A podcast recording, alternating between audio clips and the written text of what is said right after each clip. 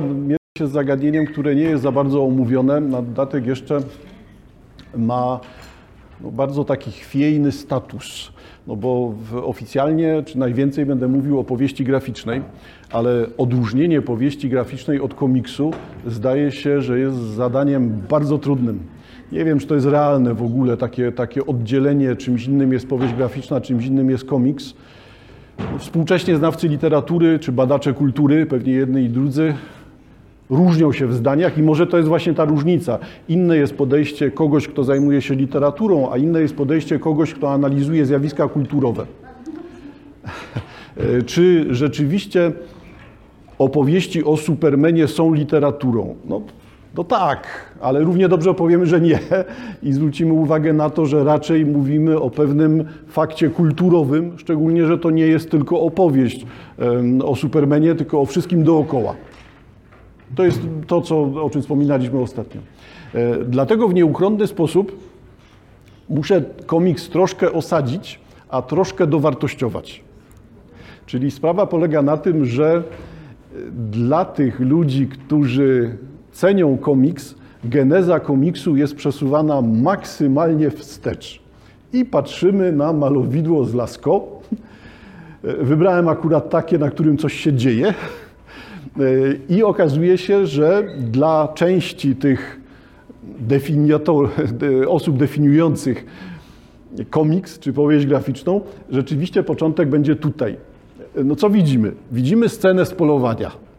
Typowy rysunek naskalny, scena z polowania, jakiś tur czy inne rogate zwierzę po prawej stronie zaatakowane przez człowieka wygrywa, bo najwyraźniej ta bestia tego człowieka zaraz podepcze, czy już przebodła, czy on jest martwy.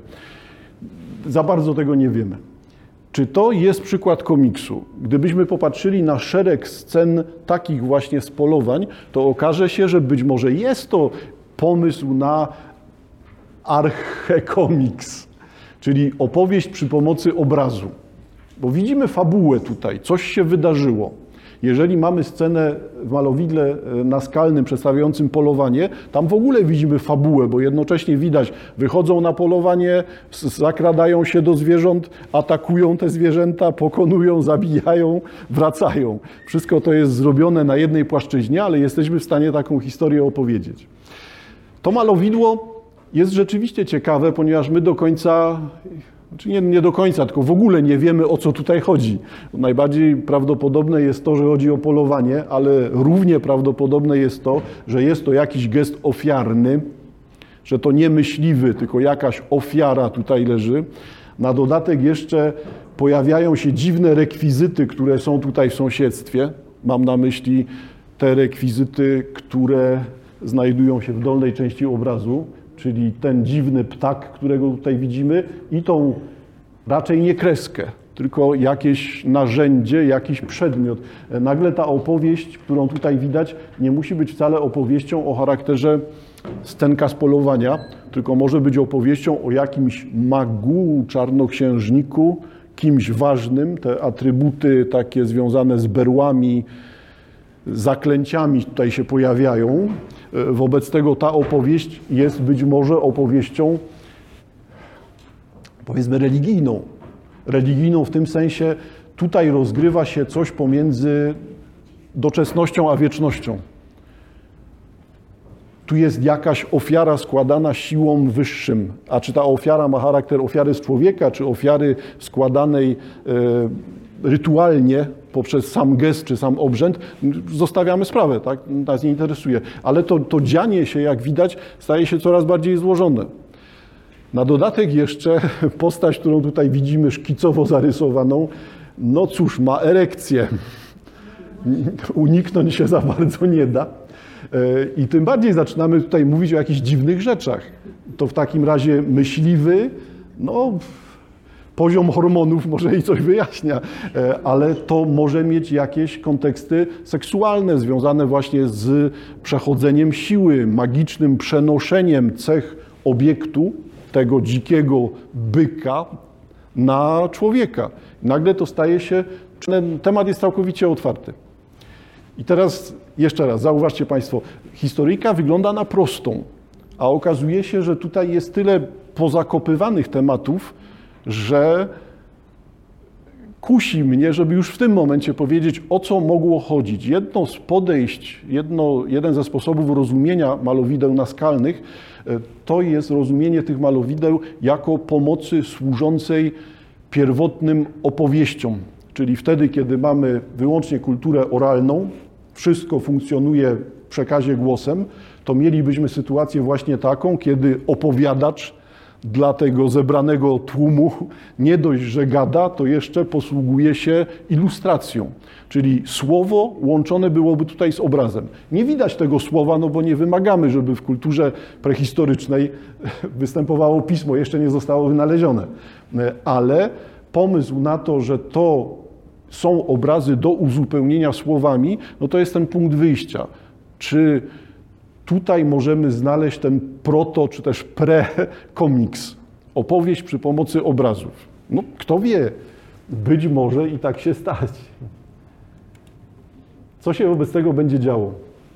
Jeżeli przyjrzymy się różnościom, teraz już lecimy, tysiąclecia i stulecia mijają, e, to nagle się okazuje, że coś takiego, to jest tylko mały fragment e, tkanina z Boje, wojny normańskie, Tkanina ma 70 metrów.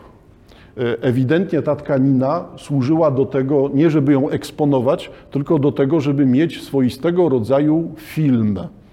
Czyli domniemuję, nie wiem czy historycy to weryfikują inaczej, e, że mamy do czynienia tutaj z płótnem, e, które nawijano i rozwijano. Zamiast ekranu, na którym zmieniamy obrazki, mamy dwa elementy, które pozwalają na to, żeby ta historia wędrowała żeby znowu opowiadacz mógł wyjaśniać, o co tutaj chodzi.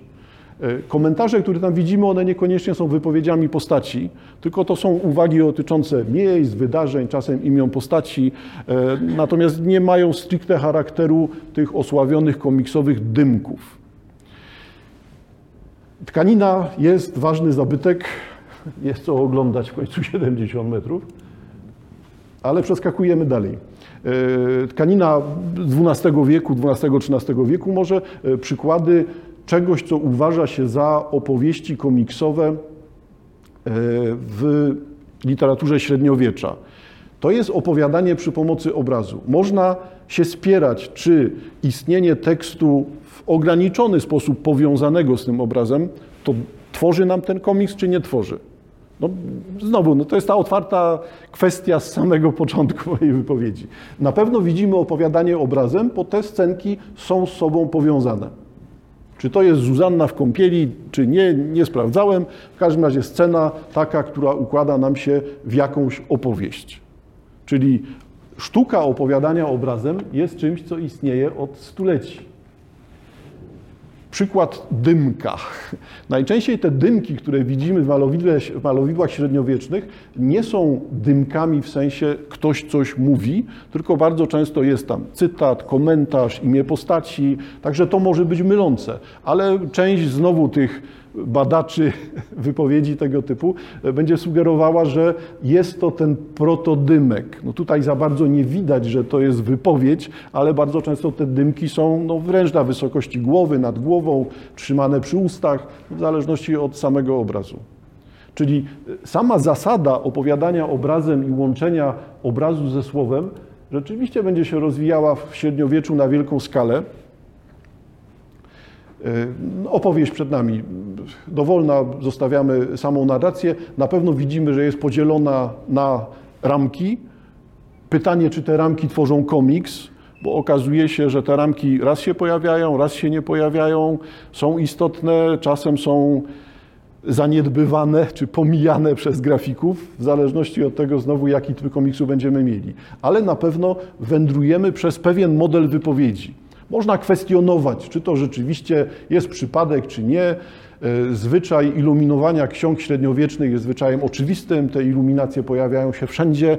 Nie musimy na siłę szukać tutaj wszelkiego rodzaju wersji e, Biblii Pauperum, gdzie rzeczywiście obraz będzie przed językiem. No bo skoro widz nie potrafi czytać albo czyta w ograniczonym zakresie, no to obraz będzie dla niego ważniejszy. I ta koncepcja właśnie e, Biblii dla ubogich czy Biblii Pauperum też jest uważana za jakiś gest taki właśnie. No, opowiadamy obrazem zamiast pisania tekstów. Może tak być. Y, następne stulecia po średniowieczu będą w różny sposób umacniały, osłabiały ten komiks. Niestety będzie wyglądał, niestety dla tych, którzy są zafascynowani komiksem. Będzie to polegało na tym, że z powodu tego, że powody istnienia Biblii Pauperom zostały znacznie ograniczone. XVI, XVII, XVIII wiek. Mam, mam tutaj na myśli skokowy umie, wzrost umiejętności czytania. Może bardzo prosto związany z wynalazkiem Gutenberga, e, z popularyzacją czytania, wobec tego też i samej sprawności czytelniczej.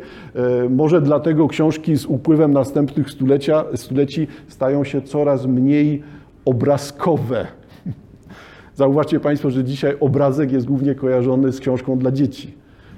Szczególnie kolorowy obrazek. No i dlatego tak też chyba wygląda, że komiks będzie kojarzony z książką dla dzieci, no bo są tam kolorowe obrazki. I zaraz kilka tych rzeczy będzie weryfikowanych e, przez sam materiał. Co wobec tego?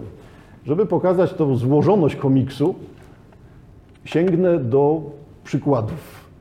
Celowo dobieram przykłady z jednej strony popularne, ale będą dziwaczne. Patrzymy na dzieło grafika podpisany Janek Koza. Publikuje w czasopismach. To są takie rodzaje no, satyrycznych wersji, rysunków, opowieści. Czasem są dwuelementowe, czasem tak jak tutaj obszerne, czytamy historyjkę na całą stronę. Historyjka Przelećmy najpierw samą fabułę, zanim zwrócimy uwagę na resztę. No, czyli co? Jest o dojrzewaniu. Mamy dziecko, kultura, sztuka.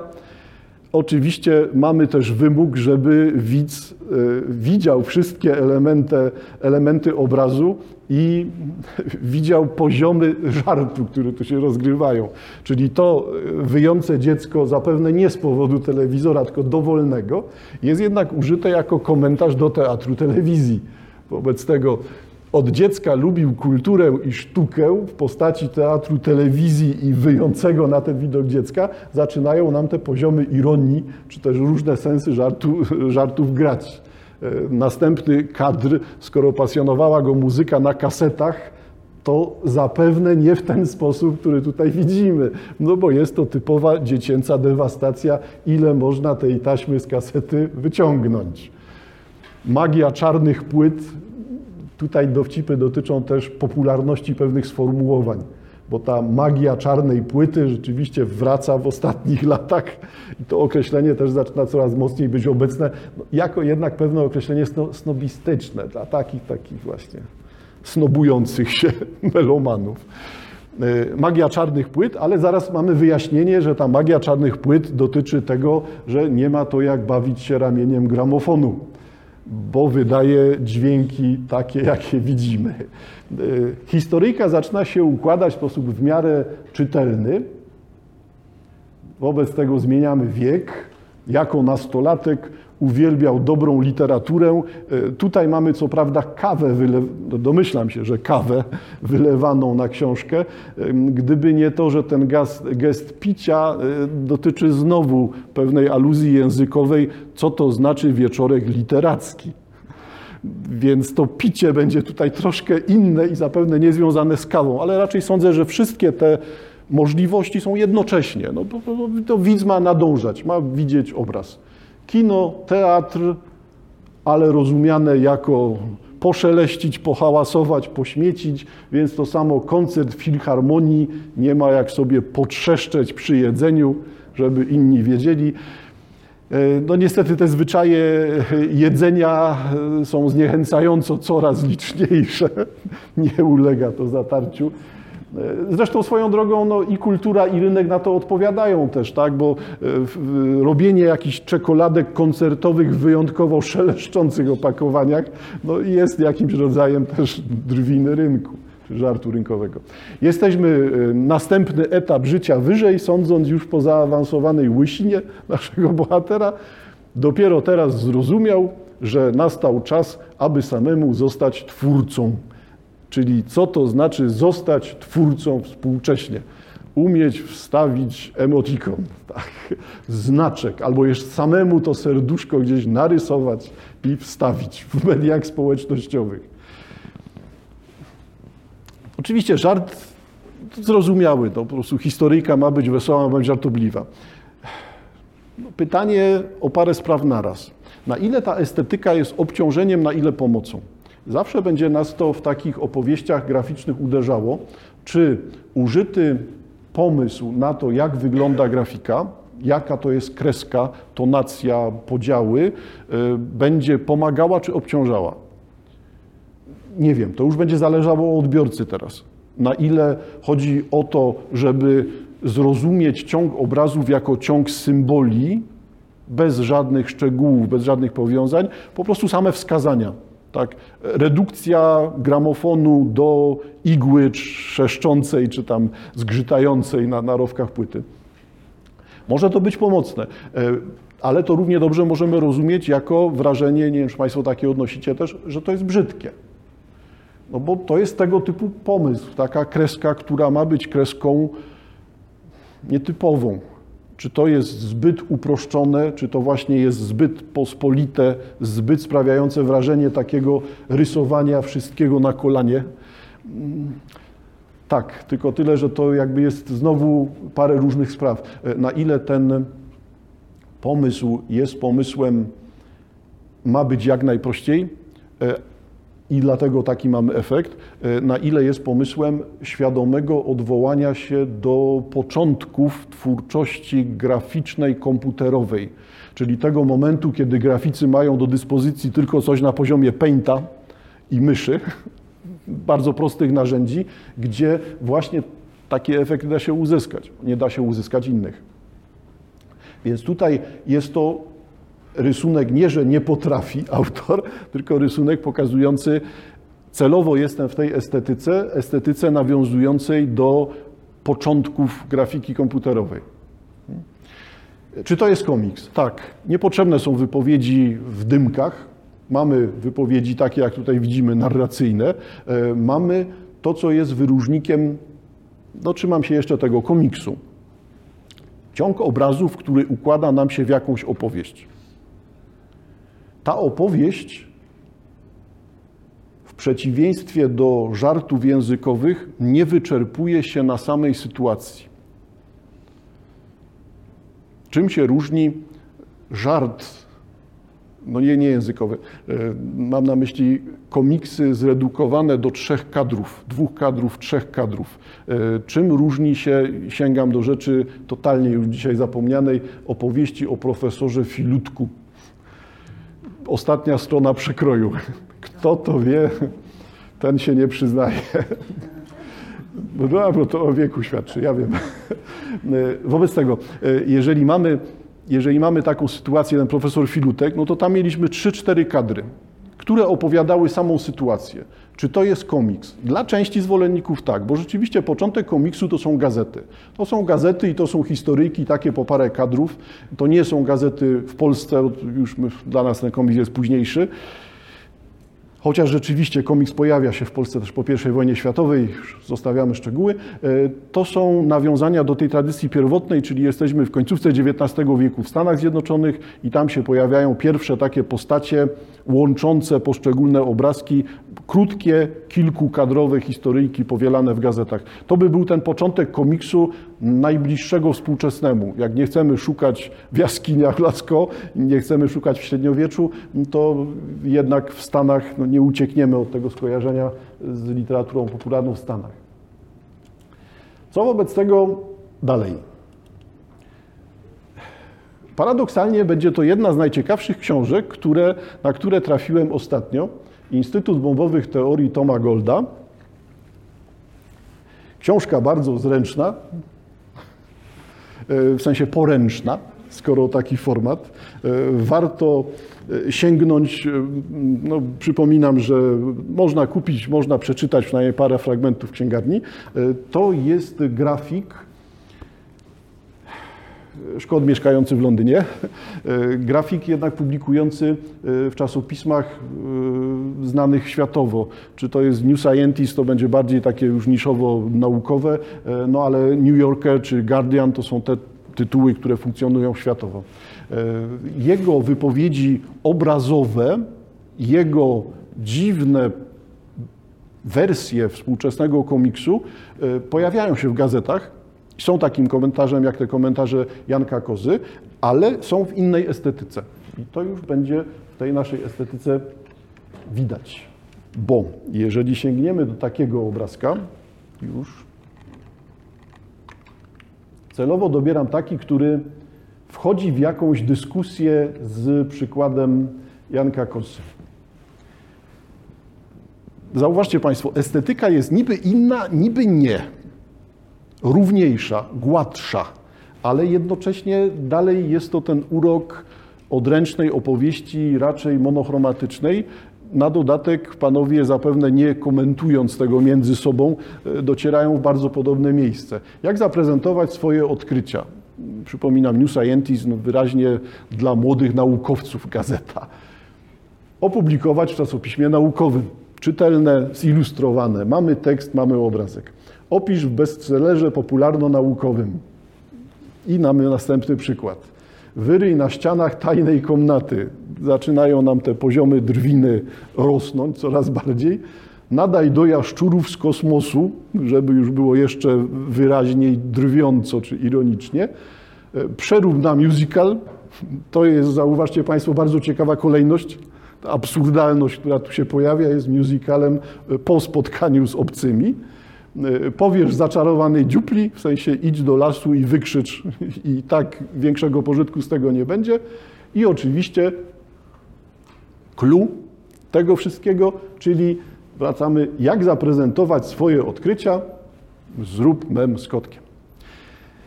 Y, zauważcie Państwo, że to jest dokładnie to samo, czyli tam mówiliśmy akurat o serduszku u kozy, a tutaj pojawia się ten mem z kotkiem, ale rozwiązanie jest to samo. Rośniesz, dojrzewasz, zmieniasz się. Janek Koza pisze komiks Dojrzewanie.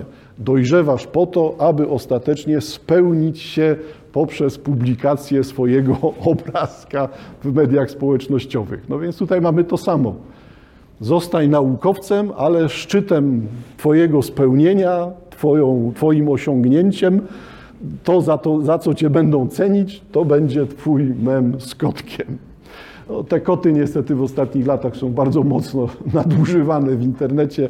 Powoli chyba wszyscy już mają dosyć. Kotów, przynajmniej kotów w internecie albo kotów na obrazach.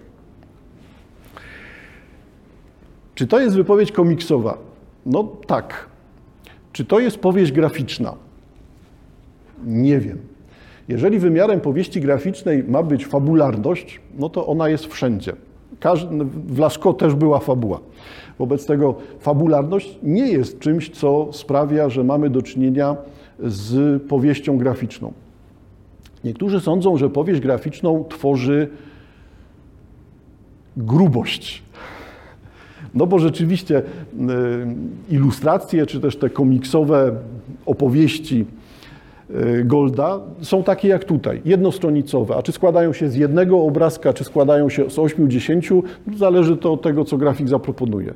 Ale nie są większe. Y, gdyby miały 15 stron, czy stają się powieścią graficzną?